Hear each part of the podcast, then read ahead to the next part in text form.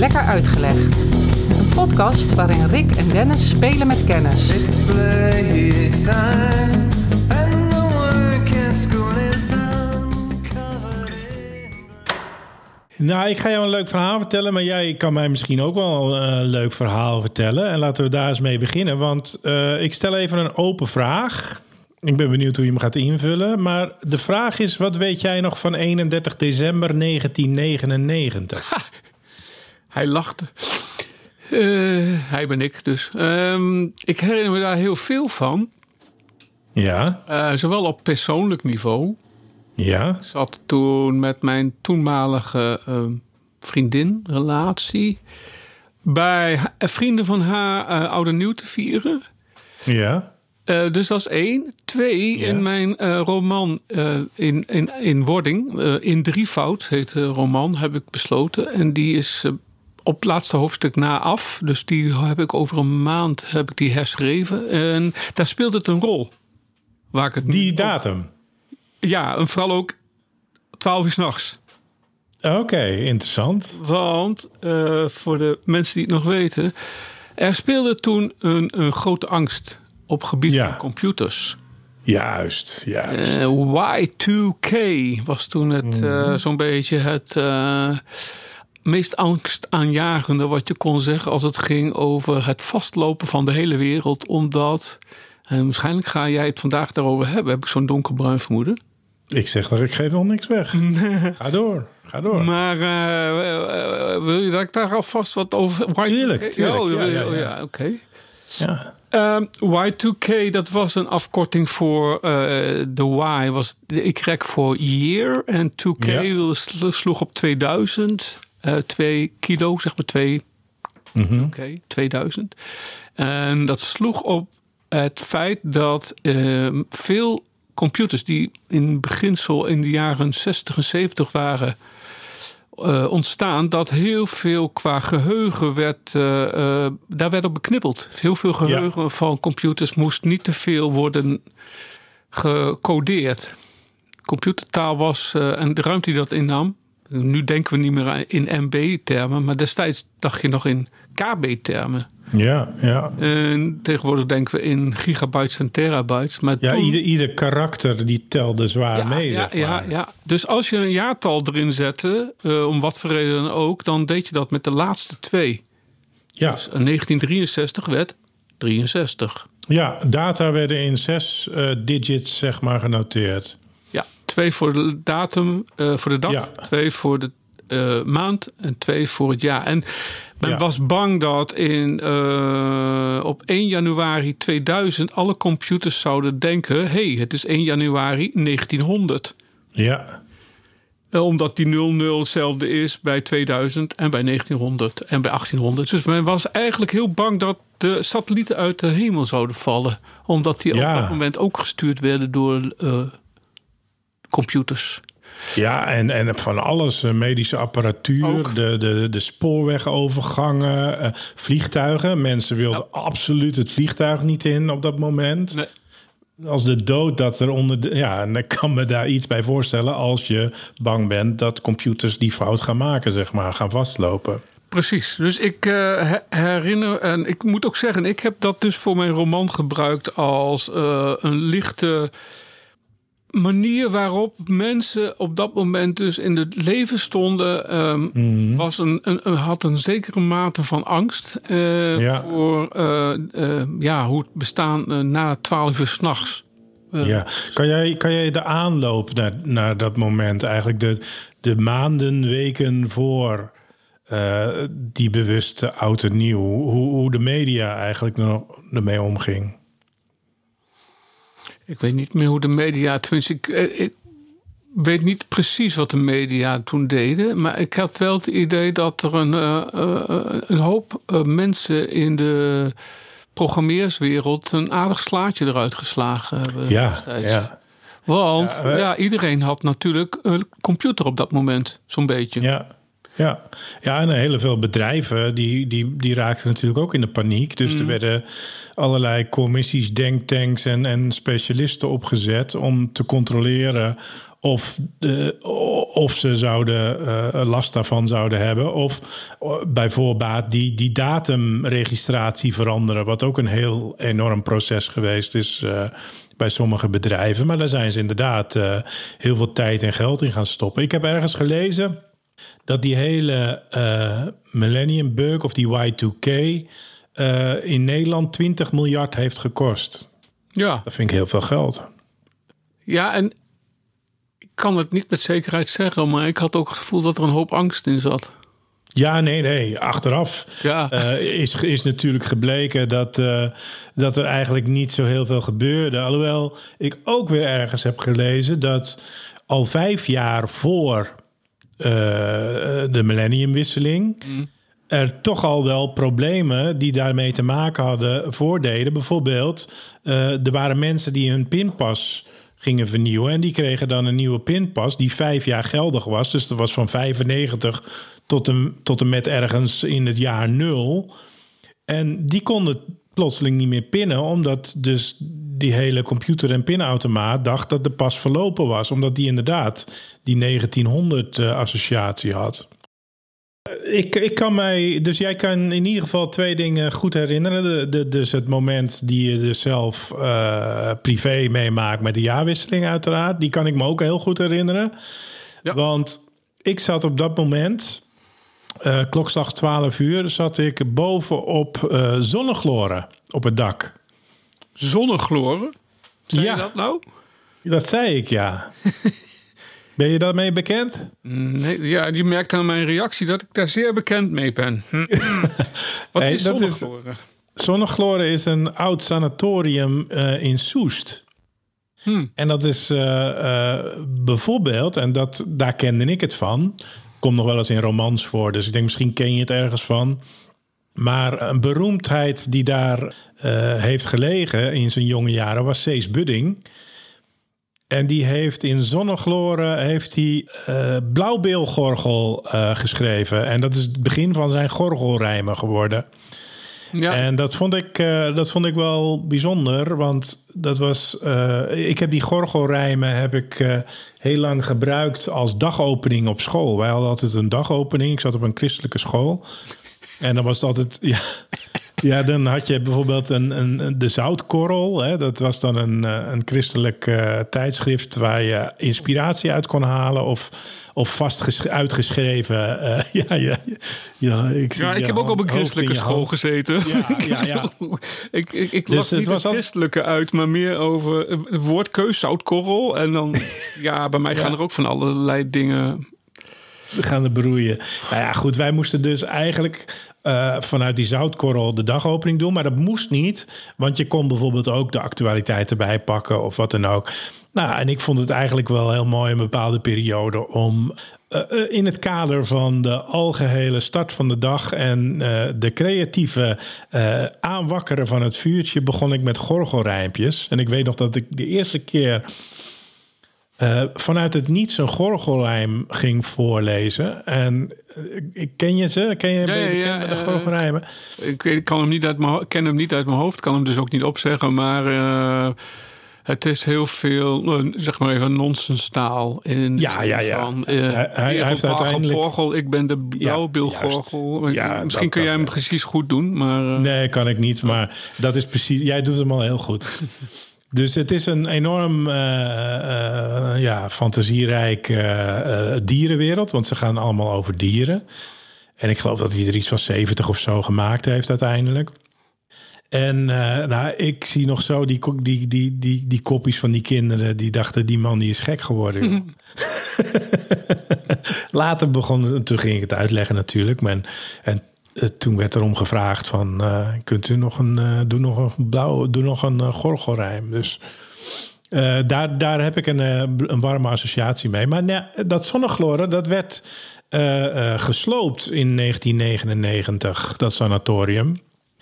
En dat stond onder beheer van een anti-kraakstichting, waar ik destijds bij woonde. En we konden zeg maar eh, geld bijverdienen als je eh, op panden wilde passen. En dat was in dit geval in de vakantie. En dan konden wij met oud en nieuw, moesten wij dus in dat afge... Want een deel van dat sanatorium stond er dus nog. En een deel was afgebroken. En wij moesten dus, eh, ik en een vriend van mij... moesten dus die avond eh, en die nacht op dat sanatorium passen... als twee individuen. Zonder, in de hoop natuurlijk dat er geen gekkigheid of brandstichting... of weet ik veel wat... eh, want het ligt midden in de bossen van Soest. Het is een prachtlocatie. Dus wij hadden daar ons matje, slaapmatje uitgerold. En wij gingen, ik weet ik het, met een fles wijn of zo... gingen we eh, bij... eh, om 12 uur gingen we, zaten we op het dak... En eh, keken we uit over het bos. En in de verte zagen we natuurlijk om 12 uur het vuurwerk...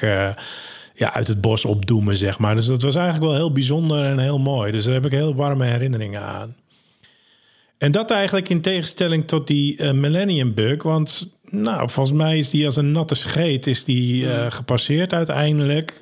Ja. En ook wel heel snel in de vergetelheid eh, geraakt. Maar ik ga hem dus vandaag met jou weer een beetje oprakelen. En dat zijn we dus eigenlijk al een beetje aan het doen. Nou ja, ik, wat je zei, hè, eh, of je vroeg van wat heb ik ermee? Nou, ik heb dus enerzijds dus, eh, dat ik die avond zat bij eh, een goede vriendin, een goede vriendin van mijn toenmalige relatie. En ehm, ik herinner me dus nog wel de huisa. En ik vond het dus ook leuk om een, een beetje, omdat mijn roman speelt zich af tussen 1963 en 2001.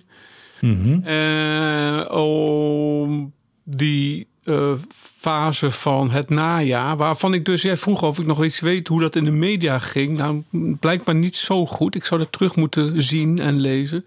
Maar ik weet nog wel dat het speelde.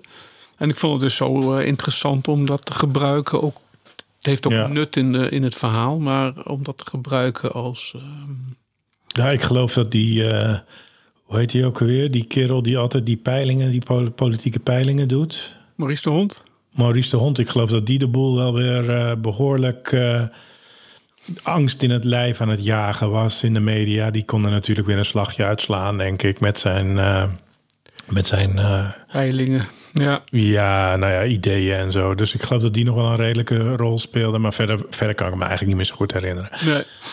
Maar wat ik, eh, wat ik nu in de eh, podcast vandaag wil doen, is eigenlijk deze eh, Millennium Bug die wij hebben meegemaakt, die wil ik eigenlijk gaan koppelen aan de Millennium Bug daarvoor. Ah, En er is een verband.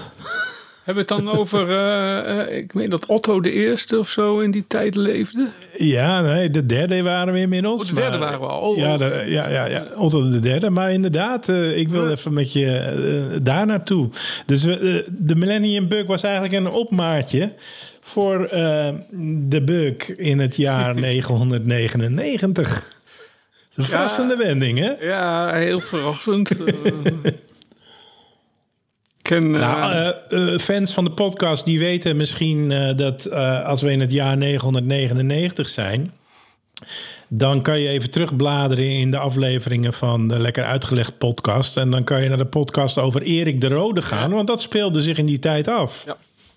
Hè, en nou ja, wa- eh, degene die hem nog niet geluisterd hebben, Erik de Rode is de eerste, en ik doe mijn vingertjes even in de lucht, witte Europeaan, want dat is natuurlijk helemaal niet, eh, niet, niet goed meer tegenwoordig of zo. Ik weet niet, of niet woke genoeg. Ehm, eh, die, die het Noord-Amerikaanse continent bewandelde. En eh, dus dat, dat is zeg maar zijn geschiedenis. Wil je er alles over weten? Kijk, zoek hem even op de podcast.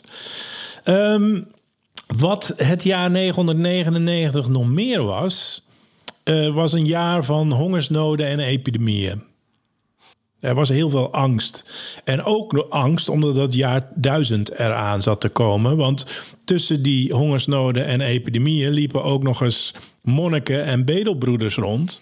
Die het, eh, het christelijke woord eh, eh, aan het rondbazuinen waren.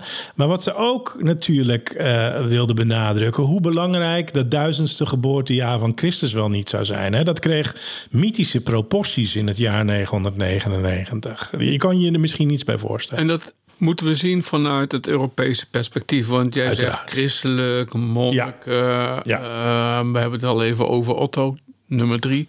Mhm. Eh, we hebben het over eh, Erik de Rode uit de eerdere podcast. Dan hebben we het echt over Europa en niet over wat er gebeurde in eh, jouw specialiteit Midden-Amerika. Nee. Of wat er gebeurde in China, waar inmiddels een, een enorm groot en machtig en rijk was. Of in Afrika, of waar dan ook. We hebben het over Europa. Ja, we zijn nu even heel eurocentrisch bezig. Ja. We komen in Rome, want daar zit natuurlijk, daar zetelt de paus. En eh, we komen in Duitsland, daar komt de paus vandaan. En eh, eh, keizer Otto. En wat hebben we, waar komen we nog meer? Italië, Duitsland. Ja, Frankrijk zullen we ook nog komen, want een andere paus komt uit Frankrijk. Dus we zijn heel erg in Europa. Ja, het huidige Europa. Ehm, om meteen maar eens even die paus bij de eh, oren te pakken. Want dat was in die tijd. eh, de pauselijke zetel was een wespennest, Rick. Er was eh, roddel, achterklap, er werd gemoord. De, de- je kunt je gek niet, niet, niet, zo gek niet bedenken of het paus, pausdom had daar last van. Seks. Seks? Ja, Ja, maar ja want eh, in die negende eeuw had je nog zoiets. Dat is een heel kleine pauselijke geschiedenis. Maar toen sprak men over de hoerenheerschappij. Ken je die? Ja, ja. Of de pornocratie zelfs. Ja, dat, dat is een- interesseert mij buitengewoon hoe die twee aan elkaar, eh, hoe eh, religie aan de ene kant en Ja, seks en, en hoerderij en, en Ja. hoe die twee dingen verrekte vaak tegen elkaar aanschuurden. Ja. Nou ja, en, En en elkaar opgingen soms zelfs. in, in die, in die eh, eh, tiende eeuw eh, was het 60 jaar lang dominant. Want wat, wat wordt er bedoeld met die hoerenheerschappij of die pornocratie? Nou, dat is eigenlijk dat de, de, de vrouwen die bij de paus een rol speelden... want de paus die, was natuurlijk niet celibatair. Die had relaties en vrouwen bij de vleet. Maar toen liepen er een aantal vrouwen in hele hoge kringen rond. eh noemen ze de Mataharis van hun tijd die ontzettend veel invloed op die pauselijke zetel wisten uit te oefenen. En zelfs eh, in die periode, een periode van 50 of 60 jaar, eh, bepalend waren voor wie er op de zetel kwam en wie er eventueel werd omgelegd enzovoort. En dus de vrouw, zeg maar, achter de pauselijke zetel, eh, die domineerde het pausdom. En dat is eh, de periode van de hoerenheerschappij. Geen echt eh, nette naam, wat mij betreft. Of de pornocratie is heel seksistisch eigenlijk, als je mij vraagt. Maar goed, de geschiedenis heeft dat, die termen eraan geplakt. Wij gaan natuurlijk naar, dat, mm, naar die millenniumwissel toe. En dan ga ik de hoofdrolspelers er even uitlichten. Want wie was er paus in, en dan begin ik in 996. Dan hebben we Gregorius V. Gregorius V, die eh, zouden we kunnen kennen omdat het de eerste Duitse paus is geweest. Oké. Eh, hij stond onder toezicht van die door jou al gerefereerde keizer Otto III. Maar in zijn tijd als paus eh, waren er ook nog de nodige Romeinse edellieden die het helemaal niet zo op dat Duitse conclave hadden. En wat deden ze? Ze stelden een tegenpaus in. En dat werd eh, Johannes de. Dus dat is zeg maar de, de- door de Romeinen aangestelde tegenpaus. Dus we hebben te maken met een korte periode van eh, twee pausen. Nou, die Johannes, die werd eh, meteen natuurlijk door Gregorius geëxcommuniceerd. Die, die, die, die, die, moest daar niks van weten. Otto III, de, de machtige keizer, eh, die steunde natuurlijk Gregorius, want die had hem zelf aangewezen. Dat gebeurde ook in die tijd nog op die manier. Dus die ging die pauselijke status van eh, Gregorius ging hij eventjes opnieuw herstellen. Hij voert een mars op Rome uit, dat was 998. En eh, hij neemt die Johannes de 16e ge- gevangen. En dat is niet alles. Wat doet hij met die Johannes de 16e? Hij ontdoet hem van zijn neus. Hij ontdoet hem van zijn oren. Hij ontdoet hem van zijn tong. En vervolgens zet hij hem achterstevoren op een ezel. Hij laat hem een koeienuier als mijter dragen. En hij schopt hem door de straten van Rome. Ja, geen andere maatregelen. Nee, dat is inderdaad duidelijk maken van eh who is king en who is... Ja, en dan zijn we nog lang niet bij die mi- millenniumwissel, Rick. Zo gek is het in eh, duizend jaar Ja, later jongen, niet gegaan. eh, gelukkig. Nee, nee, nee, nee. Het was een dolle tijd. maar ja, goed. dit tafereel speelt zich af in de straten van Romein, Rome. En die Romeinse bevolking, die is woedend. En die keizer Otto, die, die moet ook nog de stad ontvluchten. Want ze zijn echt werkelijk helemaal klaar om hem te lynchen. Nou, uiteindelijk werd eh, die Johannes de 16e opgesloten in de abdij in Fulda in Duitsland. Hij wordt dus meegenomen en opgesloten. En daar sterft hij een aantal jaren later. Ehm, maar Gregorius V, die eh, haalt de millenniumwissel niet, want die sterft in februari 999.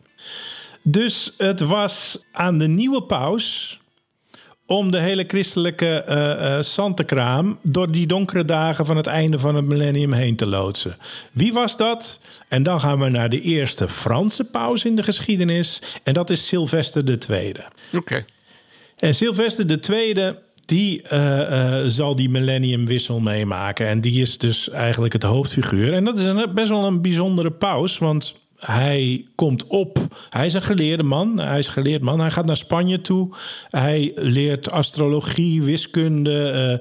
eh, hij ontwikkelt zich in allerlei verschillende disciplines. Dus we hebben te maken met een geleerd man. Vanuit Spanje doet zijn, zeg je dat ook alweer, zijn eh, eh, reputatie gaat hem voort. En bereikt ook Otto III, die nou wel gecharmeerd is van deze ontwikkelde man. Maar dan op dat moment is eh, zijn paus nog steeds... Ja, die is Gregorius de Vijfde is op dat moment. Maar de reputatie van wat later Sylvester II wordt, Egbert geloof ik heet hij, die, ehm, die, die is dan al in opkomst. En hij is ook al in Rome op dat moment. Hè. Is dan een van de kardinalen, of hij is geloof ik de bisschop van Reims is hij. Dus hij is al ontzettend naam aan het maken in die kerk. Dus het is ook helemaal niet gek dat hij als opvolger wordt aangewezen. Want hij is een ambitieuze man. En eh, hij heeft zijn eh, sporen al, eh, al verdiend. Maar wat er ook vast zit aan die Sylvester... is dat er heel veel geruchten over hem de ronde doen. Dat is natuurlijk niet, niet vreemd, want dat ging over iedere paus de ronde. Maar de geruchten die aan hem eh, kleefden... die waren toch wel, nou ja, wel wat duister. Want het feit dat hij dus in Spanje had gestudeerd. eh, hij, had ook, hij had bijvoorbeeld magische kunsten en astrologie in Sevilla gestudeerd. Nou, dat magische kunsten, dat is natuurlijk een beetje tricky. Ja, En dat klinkt toch alsof je de duivel bij... eh, ja, juist, juist. En wat was dan ook het gerucht? Dat hij paus is geworden na een spelletje dobbelen met de duivel. Ja, hij is mooi niet hè? de eerste hoor die dat Nee, heeft nee, eh, nee, nee. Nee, we hebben later nog wat bluesgitaristen en zo gehad die dat ook gedaan hebben. Maar- die, zijn trouwens, die is niet paus geworden, maar eh, Nee, maar gitarist. maar eh, eh, dus, dus dat ging de ronde. En nou ja, in het vervolg van die geruchten was ook het idee dat hij de christenen aan de duivel zou overleven, eh, overleveren. Hè? Als, een, als een soort daad terug aan, aan, aan. Hij had zijn ziel verkocht aan de duivel. En daarmee het christelijke, het christendom eigenlijk. Ehm, wat ook een gerucht was, is dat hij in Spanje een spreukenboek van een Arabische filosoof zou hebben gestolen. En dat heeft hij gedaan door middel van tovernarij. En eh, eh, eh, zo is hij ook ontsnapt. En dus weet je, er kleeft iets, ja, iets duisters aan, aan, deze, aan deze man. helemaal kosher om het zo Nee, nee, nee, nee. En uitgerekend deze man wordt aangewezen en wordt de nieuwe paus. En nou ja, het volk eh, had dus die, die, die epidemieën, die had die honger, die had eh, eh, al die monniken en die, die, die, die, die broeders die rondliepen met, met de bedelstaf. En die gingen in, met angst voor wat er ging komen, gingen ze al boete doen en zelfkastijding. Het was aan de orde van de dag. En in, in, in die periode landen wij dus in die millenniumwissel. En die spanning die loopt op, die loopt op. En dan volgt de laatste mis van het jaar. Die wordt gedaan door eh, Sylvester in Rome. En volgens velen zou dit het einde der tijden zelf zijn. Dus dit was de aller, allerlaatste mis ooit. Voor zoveel. Maar net als bij alle andere einde der tijden scenario's, Rick, want anders zaten wij hier niet. Nou ja, En alle millennium bugs, eh, wat gebeurt er na de mis? Helemaal niets. nee. Het was overigens wel een lucratief jaar voor de christelijke kerk. Want al die mensen die hadden dus een soort angst voor eh, het einde der tijden zou, zou zich aandienen. De duivel zou, eh, eh, zou het overnemen. En er waren dus mensen die spontaan hun, hun, hun landerijen, hun bezit en alles aan de kerk gingen schenken. Eh, met het idee van, ja goed, maar er is dan straks toch niks meer. En dan heb ik mijn, mijn kostje, mijn plek in de hemel heb ik gekocht. Hè? Want dat was nog een gangbare theorie in die tijd. Dus mensen deden massaal afstand van al hun eh, rijkdommen. eh, en nou ja, de christelijke kerk, die nam dat dankbaar in ontvangst. Dus lucratief was die millenniumwissel enorm voor de kerk. Ja, eh, wat je En- zei al, de angst dat het einde der tijden verhaal, hè, de angst dat je Mhm. niet naar, dat het er gewoon uit ophoudt en jouw plek in de hemel nog niet hebt weten te realiseren door eh, voldoende boetedoening. Nou, dan was eh, de kerk sponsoren als het ware, was de manier om jouw eh, plekje alsnog eh, in de troonzaal van God Ja, ja, ja. Je, je, kocht een, eh, een kaartje op de eerste rang als je, als je rijk was. Ja, Nou, en dat, dat gebeurde. Maar eh, zoals gezegd, eh, er gebeurde natuurlijk helemaal niks. De wereld verging niet. En eh, de dag eh, erna was als iedere andere dag. Dus in de loop van het jaar 1000 gingen natuurlijk heel veel ontevreden christenen eh, aankloppen bij de kerk van ik wil eigenlijk mijn landerijen terug. en dan weet jij wel hoe de kerk reageert. Uh, ain't gonna happen. Nee, dat, gonna dat happen. doen we dus niet. Hè? Je hebt eerlijk gegeven. Ja, eens gegeven blijft gegeven. ja. ja. Hey, ik ga hem afronden, maar ik heb jou al verklapt dat ik die twee ging combineren. Mhm. En ik vond een heel interessant feitje. Ehm, misschien ben ik wel de eerste die die twee koppelt en de enige, maar ik vond het wel aardig. Want die Sylvester, die geleerde eh, paus, eh, die de millenniumwissel eh, de laatste dienst gedaan heeft uit, uit het eerste millennium. Van hem wordt gezegd dat hij als eerste in Europa is eh, degene die het decimale stelsel introduceert. Dus de nummers 1 tot en met 9 en de 0 eh, die hij vanuit het Arabische wereld eigenlijk wil implementeren in, eh, in het westen van Europa. Oh. En dat is interessant. Het is hem niet gelukt hoor, want hij kreeg niet heel veel enthousiaste mensen achter zich. Uiteindelijk is het natuurlijk wel gebeurd. Maar hij was wel de eerste die het probeerde te introduceren en de doorgang te laten vinden hier in Europa. En dat is natuurlijk wel weer aardig als je dan kijkt naar die Millennium Bug.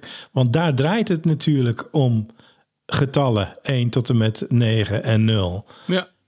En dat vond ik wel een aardig gegeven. Dat ik denk, ja, op, in zijn tijd heeft hij eigenlijk het probleem van duizend jaar later voor een deel geïntroduceerd. dat is mijn stelling. Zo is het. ja eh, ik weet niet of je dat weet. De Duitse, weet je hoe het Duitse oude nieuw heet? Mm, waarschijnlijk als je het zegt, misschien. Ja, Sylvester. Ja, ja, ja, Is, inderdaad. is, dat, is dat daarvan? En we gaan nu even een aantal dingen aan elkaar koppelen. Hè? Rick, je bent goed bezig. Ja, we zijn er nog niet. Jij met je cijfers, ik met Sylvester. Ja. Ja, ik, ik, ik, ik, ik heb deze link nog niet gelegd. Dus eh, dat is iets wat we moeten uitzoeken. Ik zie hier eh, een roman van Dan Brown aankomen, eerlijk gezegd. Ja, ik denk het ook. Het is alleen een kwestie van deze podcast uitschrijven.